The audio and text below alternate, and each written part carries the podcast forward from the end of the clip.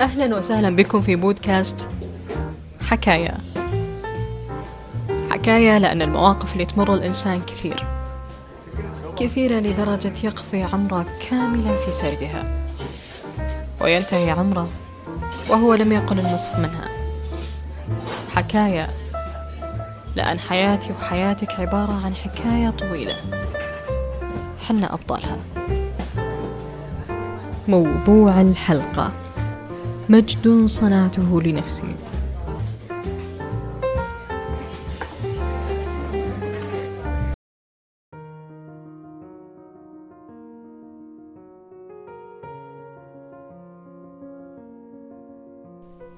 مسرح. جمهور. ظهورك بعد أن قيل اسمك وصار يصدح في أنحاء هذه القاعة الكبيرة. تحية وتصفيق حار. تسليم للجائزة ثم النزول من الجهة الأخرى من المسرح الضخم. ألا يبدو أن هذا النجاح في تصور البعض أو الأغلب أن يكونوا الشاهدين عليه ليسوا بقليل. هتافات توحي بعظم هذا الإنجاز الذي أخذ من الوقت والجهد. تشعرك أنك وصلت حقا وأن كل هذا لم يذهب هباء. بل وها ألا ترى هذه الأعداد التي تجزم بعظم إنجازي؟ ولكن اسمح لي أن أقول لك. بما أن الكثير لم يتسنى لهم أن يعيشوا هذه اللحظة الفاخرة التي هي من ضمن كم من الأحلام التي يرقب صاحبها تحقيقها. هناك إنجازات عظيمة لا تستدعي هذا كله. إنجازات تستحق الاحتفاء والتباهي. صبرك إلى أن وصلت للمنال. إيمانك الذي دفعك لتخطو خطوة ما قد تكون نقطة تحول فارقة في حياتك. الأمومة والأبوة الجيدة إنجازات لا يستهان بها. التربية الصالحة إنجاز. التخرج من الجامعة رغم الضغوطات والتعب وأحيانا رغم قلة المادة ولكنك جاهدت إلى أن وصلت. ألا تراها تستحق الاحتفاء؟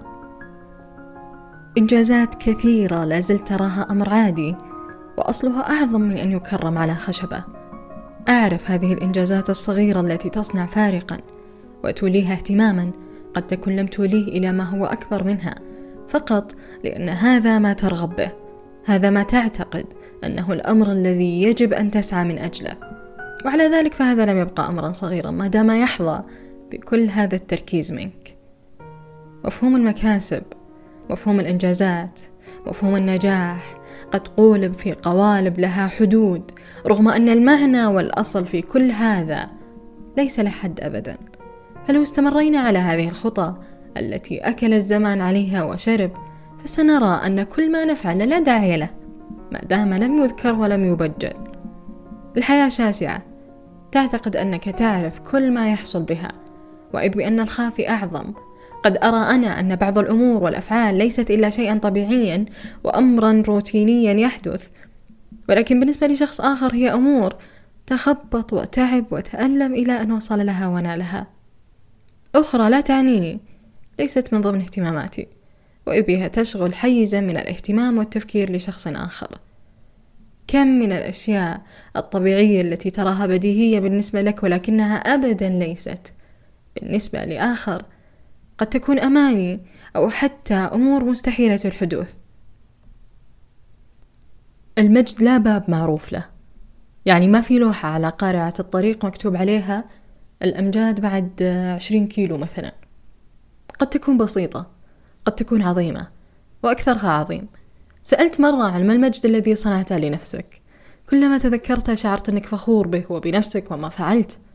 فكان من ضمن الإجابات إجابة مذهلة وفعل عظيم وإنساني.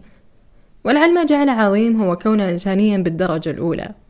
كانت تقول أن في إحدى المرات استنجدت بها صديقة لمساعدتها في مشكلة. كان أصل هذه المشكلة أن ذكرا ما ابتز صديقتها بصور لها فلم تتردد أبدا بمساعدتها بل وبلغت الجهات المختصة وحل الأمر بهدوء كأن لم يحدث أصلا وبالتأكيد لم يعلم أحد عن هذه الأزمة الحاصلة. هذا يستحق أن يكون مجدا. ولكن ما أراه إنجازا أنها لم تتوقف إلى هذا الحد بل وأصبحت تلقي دورات في أماكن مختلفة للتوعية بخطورة الابتزاز. عموما ألا ترى أن هذا مجدا صنعته لنفسها؟ مجدا يستحق أن يبذل جهدا لأجله لأن الهدف سامي والعمل به أسمى. أحيانا يلهمك شيء بالصدفة لم تخطط له. لم يطرأ عليك أبدا أنك ستكون لولا أن مررت به. وهذه هي الأقدار. قد يكون المجد لم يقطع طريقك بعد. أن تنتصر لنفسك مثلا أو تنتصر لأحد ما. أليس هذا أمرا تفخر به لأنك لم تفعله لتكرم أو أن يظهر اسمك في الشاشات بل هذا ما حثتك عليه إنسانيتك ولأنك إنسان حقيقي بالدرجة الأولى. في كل مرة تحسن من نفسك من الذين حولك تحسن في بيتك في أرضك في وطنك أنت بذلك في الطريق الذي يؤدي بك لكل ما ترغب وتتمنى. لأن هذه الأمور أثرها بالغ. ستشعر بهذا التغيير النفسي الذي سيخولك لأشياء أعظم مع الوقت. لأن كونك جيد وصالح وراغب بأن تكون أفضل وأفضل وتسعى لذلك فتأكد أنك لن تخيب أبدا ما دامت القمة تتسع للجميع. وعلى فكرة هذه القمة التي تتسع للجميع أغلب من فيها لم يذكروا قط ولكنهم يعلمون بقرارة أنفسهم أنهم يقفون عليها. ولا أنكر أن المجد يريد عزما. يريد إنسانا جازما يعرف ماذا يفعل أيا كان الذي يفعله يعرف ما يريد أيا كان ما يريده ما دام يصب في مصلحته ولا يضر المصالح العامة. الصبر وعدم الاستسلام للفشل الإقدام دون تردد ما دام هذا الذي نريد ونسعى له. يقال دائما يبدو الأمر مستحيلا حتى تبدأ به. فما أن تبدأ إذ بها تنقشع الغمامة ويتضح كل شيء. وإذ بك ترى أنك قزمت نفسك وعظمت ما كنت تقدر أن تصبح أعظم منه. يقول صفي الدين لا يمتطي المجد من لم يركب الخطر ولا ينال العلا من قدم الحذر ومن أراد العلا عفوا بلا تعب قضى ولم يقض من إدراكها وطرا لا بد للشهد من نحل يمنعه لا يجسني النفع من لم يعمل الضرر. لا يبلغ السؤل إلا بعد مؤلمة ولا يتم المنى إلا لمن صبر. وأحزم الناس من لو مات من ظمأ لا يقرب الورد حتى يعرف الصدر. وأغزر الناس عقلا من إذا نظرت عيناه أمرا غدا بالغير معتبرا فقد يقال عثار الرجل إن عثرت ولا يقال عثار الرأي إن عثر. من دبر العيش بالآراء دام له صفوا وجاء إليه الخطب معتذرا يهون بالرأي ما يجري القضاء به. من أخطأ الرأي لا يستذنب القدر. من فاته العز بالأقلام أدركه بالبيض يقدح من أعطافها الشرر. فلعلنا الآن نقف لأننا نريد أن نرى ما نرغب به حقا وصدقا.